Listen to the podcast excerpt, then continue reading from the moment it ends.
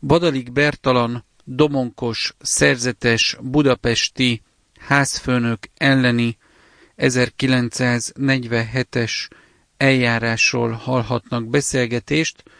Vendégünk Hornyák Máté tudományos kutató. Badalik Bertalan onnan ismert, hogy 1949-től Veszprémi püspök, helycére internálják 1957-ben, és a két világháború között pedig kiemelkedő hitszónok, rádiós prédikátor, az osztrák-magyar rendtartomány, majd az önálló magyar rendtartomány tartomány főnöke, és amikor 1946-ban a mandátuma lejár, akkor Budapesten lesz házfőnök. De talán ez az 1947-es vele szembeni eljárás, ez egyáltalán nem ismert, talán még a kutatók számára sem nagyon, és ezért kérem arra, hogy először nézzük is meg, hogy 1947-ben mi az, amivel vádolják, mi az, ami miatt az államügyészség, a politikai rendőrség celkeresztjébe kerül a budapesti házfőnök Domonkos szerzetes Badalik Bertalan. A két háború között a Domonkos rendnek egy hitbuzgalmi írata, a Krédó, az nagyon népszerű lett. Emiatt is válhatott a képülő diktatúra számára figyelemfelkeltésé, hogy jobban tanulmányozzák, milyen híreket is közölnek a krédóban. Így történt 1947. márciusában, hogy a magyar kurírtól egy hírt átvett a rend. De mi is volt ez a hír? Mincenti József Magyarország bíboros herceg primásához. Mi magyar származású amerikai polgárok fájdalommal veszük szülőhazánk keresztre feszítését, a Trianonnál kegyetlenebb békeszerződéssel, melyet kétoldalú tárgyalás helyett nyomása ratifikált a háború erőidézésében ártatlan magyar népre. Megváltoztatására irányuló harcunkat soha fel nem adjuk, és addig nem nyugszunk, amíg minden magyar testvérünk birtokában nem lesz azoknak a jogoknak, amelyeket mi bírunk szabad amerikaiak. Aláírás az Amerikai Magyar Szövetség. Ez egy hírközlés volt, Magyar Kurírtól vette át a rend, pontosabban Márk Ágoston, aki ekkor Badorik Bertalan jobb keze a krédónál, és az újság szerkesztésével meg van bízva. Az ügy többféle szempontból lehet érdekes. Ha megnézzük, a magyar kurír részéről, akik ekkor szerkesztők voltak, közölték a hírt, hogy az amerikai katolikus magyarság miként tekint az anyaországra, velük szemben nem indult eljárás. Szemben a, a Domonkos rend házfőnökkel igen. Ennek az lehet az oka, hogy Badarik Bertalan szavára jobban felfigyelt Budapest katolikus közössége, hiszen egy több évtizedes, aktív, lelkipásztori olyan munka állt mögötte, ahol ő jó szónok volt, meg tudta szólítani az embereket. Neki ez volt a talentuma, hogy ő, ő nyilvánosan, nagy hallgatóság előtt hogyan beszéljen. És így egy olyan hír leközlése, amely megkérdőjelezi a békeszerződés jogosságát, az már izgatásnak minősült. A miniszterelnökség népügyészségi népbírósági rendeletei alapján. Mert izgatásnak minősül mindaz, ami a békeszerződés ellen felvett kérdéseket, hogy ez most jogos vagy nem. Tehát ez sem volt szabad feltenni a korabeli jogi szabályok szerint. Érdekes nézni, hogy maga az ügyészség hogyan halad a váddal, erőterjesztésével a bíróság felé. Ebben az időben rengeteg feljelentés érkezik a népügyészségekhez 1945 után. Legtöbb az nyilasvád, az, hogy zsidók ingatlanait elvette. Sok esetben azért viszont az ügyészség is jelzi, hogy sok vád alaptalan. Másnak meg szeretné szerezni a cukrászdáját, kávézóját, boltját, és így a nyomozók több esetben jelzik, hogy óvatosan kell vádat emelni. Itt viszont az ügyészség szeretne vádat emelni, de az államvédelmi hatóság az valami nagyon lassan ténykedik. Többször felszólítják Budapest államvédelmi hatóságát, hogy folytassa már le gyorsabban ezt a nyomozást. Mert vádat szeretnének emelni. Badarik Bertalan ellen. És az igazságügyi minisztérium is sürgeti a népügyészséget, hogy a törvények által megszabott időkeretből a feljelentéshez képest már bőven kicsúsztak. De mégis próbálják már lezárni az ügyet. Valamiért nem sikerül a rendőrségtől ezeket beszerezni. Ugye a Domonkosok hitbuzgalmi lapjában, a Krédoba jelent meg ez a cikk, átvéve a Magyar Kurírtól. Talált esetleg arra vonatkozó információt, hogy a Magyar Kurírnál is folytattak valami nyomozást, feltáró tevékenységet, vagy ott valaki ellen emeltek vádat, vagy ez megmaradt kifejezetten Márk Ágoston, Badalik Bertalan, illetve a Domonkos rend lapja a krédóval szemben. A kutatás jelenlegi állása szerint ez megmaradt egy szigorúan domonkos rendi vizsgálat menetében.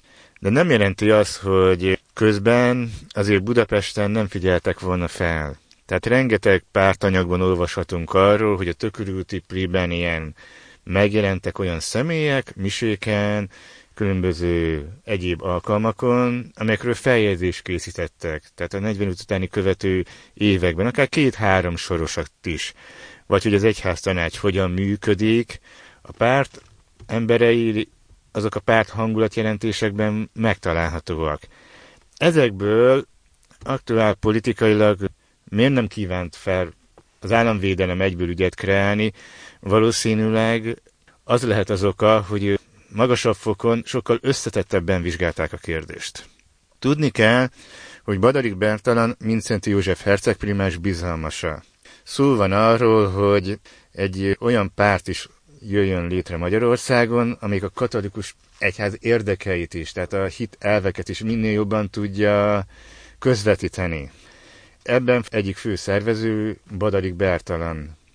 Valószínűleg ezért is tanulmányozták jobban az ügyet, hogy mikor érdemes vádat emelni, mikor érdemes pont úgy azt a vádemelést megtenni, hogy a bírósági tárgyalásnak minél nagyobb sajtópublicitása lehessen, minél jobban meg lehessen vádolni a hercegprimást, a katolikus főpapságot, és akár minél jobban a szeretesrendek ellen is.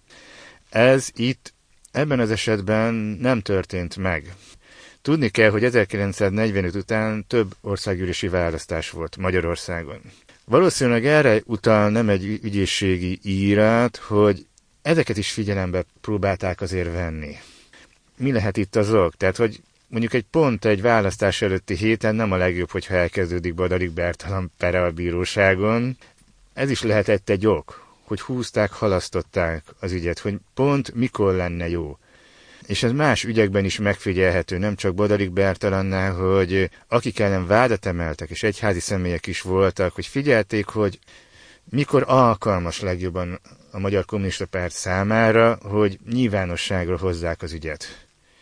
És ha ez nem volt aktuálisan a pártnak a előterében az adott személy, akkor lehet, hogy enyhébb ítélettel, egy internálással, fél év, egy év börtönnel megúszhatta az adott személy az eljárást. De hogyha nagy publicitást kapott egy ügy, ott bizony mindig évekről volt szó, hogyha figyeljük ezen eljárásokat. Tudjuk azt, hogy Sárkány Györgyre bízta végül a népügyészség, ő egy budapesti népügyész volt, hogy próbálja minél jobban átnézni ezt a domonkos rendi ügyet. Ő talált még egy ügyet, mert a krédóban a Monori plébániával kapcsolatban került egy ilyen megjegyzés közlésre, hogy a munkás ifi csoport az sokkal jobban működik. A kommunista párt ifjúsági tagozata az pedig egy csorda. Tehát ez is bőven izgatásnak minősülhetett volna, de nem nyúltak az ügyhöz. Úgy tűnik, hogy azért Badarik Bertalan és Márk Ágoston is ezután a ügyészségi vizsgálat, miután már megtudták, hogy van, próbáltak minél jobban vigyázni, hogy tehát, hogy minél jobban elkerüljék az izgatás vágyját. És végül lehet, hogy ezért is gondolta Sárkány György úgy, amikor azt mondja, hogy lehet jobb megszüntetni az eljárást, de érdemes megfigyelni, hogy mikor. 1949. április 11-én írja, amikor már Mincent József hercegprimás le van tartóztatva. Tehát ebből is látszik, hogy egy rendszerben kell ezt az ügyet is kezelnünk, itt egy nagyobb ügyre készült a népügyészség, népbíróság, és egy kisebb ügyen nem tartották célszerűnek pont foglalkozni és zaklatni a katolikus közéletet. Emiatt így védekezik a népügyész, a krédú csak átvette a hírt. Egyházi fegyelem alatt tette felsőbb utasításra. Itt azért már érdekes dolog megnézni, hogy itt már utal egyházi fegyelem alatt, itt azt jelentette, hogy akkor nincs Szent József herceg primás utasítása. Hogy már egy későbbi perre is utalhatnak. Utána pedig, hogy két év telt el. Próbáltak azért mindenféle eljárási trükkök ellenére azért figyelni arra, hogy az időkeretekből ne csusszanak ki. Általában fél év alatt azért a népügyészségi vád, vádemelések megtörténtek. Itt pedig két év telt el úgy, hogy húzták, halasztották az ügyet. Választások lesznek, ezt így szépen leírja, amely több íratban körül van írva a népügyész úr, hogy itt nem érdekünk mostan közbelépni. Az, hogy ez hogyan hathatott, tehát az óvatosság mellett Badalik Bertalanra nem tudjuk pontosan, hiszen rengeteg vidéki és fővárosi rendezvényen továbbra is aktívan szerepelt, az bizonyára egy olyan tanúság lehetett számára, hogy figyelik, ha addig nem érzékelte ezt minden téren, hogy számon kérhetik őt azért, hogy mit mond. De ha megnézzük, a tevékenysége nem csökken. Tehát, hogy nem tudták úgy van kicsit elrettenteni, hogy most kicsit visszahúzódóbb legyen, hanem továbbra is kiállt az Biblia az ige mellett. Ezért is hívhatták meg rengeteg alkalommal különböző szónoklatokra, Szent István napi körmenetek alatt is nem egyszer volt ő a fő szónok, és így kerülhetett végül arra sor, az ügyészségi indítvány lezárása után, hogy meghalt Veszprémbe Bánás László, Veszprém megyés püspök, hogy így felkerült a jelöltek közé, amelyet júliusban, amikor megkerestek Rúsz József érsek, el is fogadott Badarik Bertalan. Utalt rá, hogy Budapest területén megfigyelik plébániát, a templomot, hangulatjelentések készülnek, és számos ilyennel találkozott. Ez ugye nem csak a domonkosra, hanem az összes többi plébánia templomra, szerzetesekre, egyházmegyés papokra igaz. Mit figyeltek itt meg? Mi volt a politikai rendőrség, vagy a párt, agitációs propaganda osztály, vagy egyéb más osztály munkatársainak a feladata? Miket kellett nyomon követni, és esetleg a Tököli úti Rózsafüzér királynője plébánia templom, a domonkos rend milyen vetületben került elő?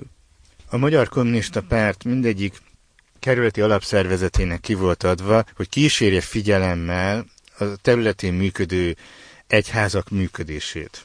Így próbáltak olyan embereket keresni, akik bemennek egy misére, meghallgatják, figyelik azt, hogy kik vannak ott, kikre hallgat az egyházközségben, kik lehetnek a hangadók, mely egyház tanástagok, akik aktívabbak, esetleg ővelük kapcsolatban egy rágalmazást indítani lehetne, hogy ne annyira nézzenek föl rájuk a közösségükben. Ez egy nagyon gyakori, hogy így, amikor így vizsgálják, célszemélyeket keresnek az adott plébánia területén.